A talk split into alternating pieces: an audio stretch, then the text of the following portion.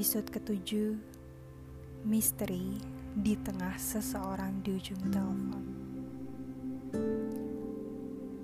Seseorang di ujung telepon.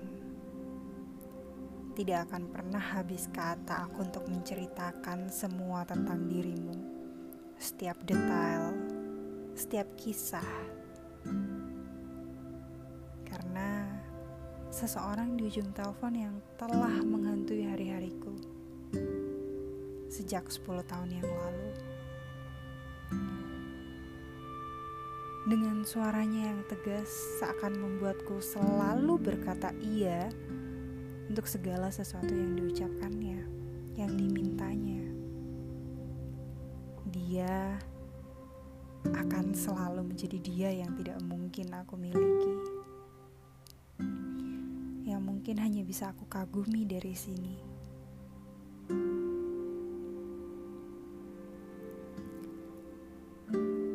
Pernah suatu ketika dia bercerita kepadaku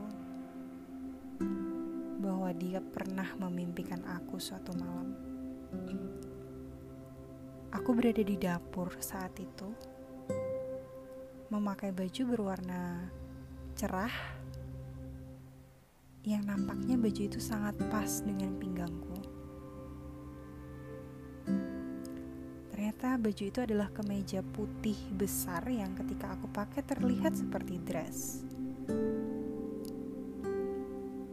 Pada saat itu, matahari belum muncul, matahari belum bersinar, dan aku bangun tidur dengan muka apa adanya. Berjalan perlahan menuju dapur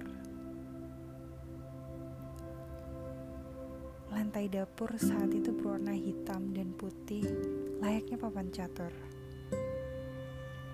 Sayup-sayup terdengar ada musik klasik yang ringan mengiringi langkah kecilku menuju dapur. Kemudian aku mulai menyalakan mesin kopi instan favoritku dan meletakkan cangkir di bawahnya.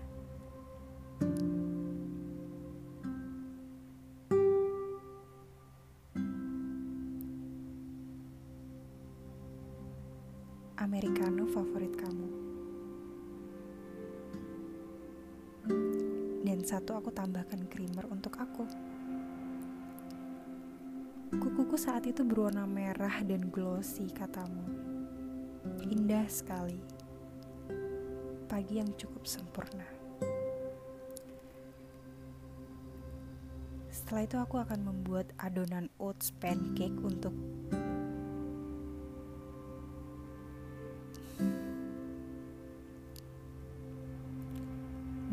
seseorang di ujung telepon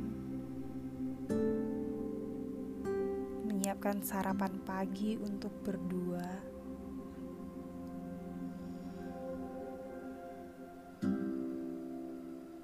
Kamu bilang kamu tidak suka makanan yang mengandung gluten. Kamu tidak terlalu banyak makan tepung. Kamu lebih memilih oats, kamu lebih memilih gandum, lebih berserat, lebih sehat, dan segala macam alasan kesehatan lainnya yang kamu sering ceritakan ke aku. Baiklah, pancake telah jadi dan aku membawakan dua porsi makanan dengan senyum yang bahagia.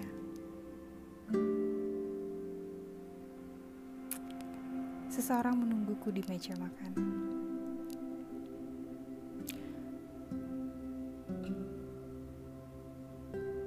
Lalu aku sadar.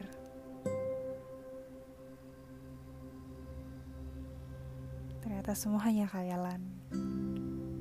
Kamu tidaklah nyata. Dan hanya seseorang di ujung telepon.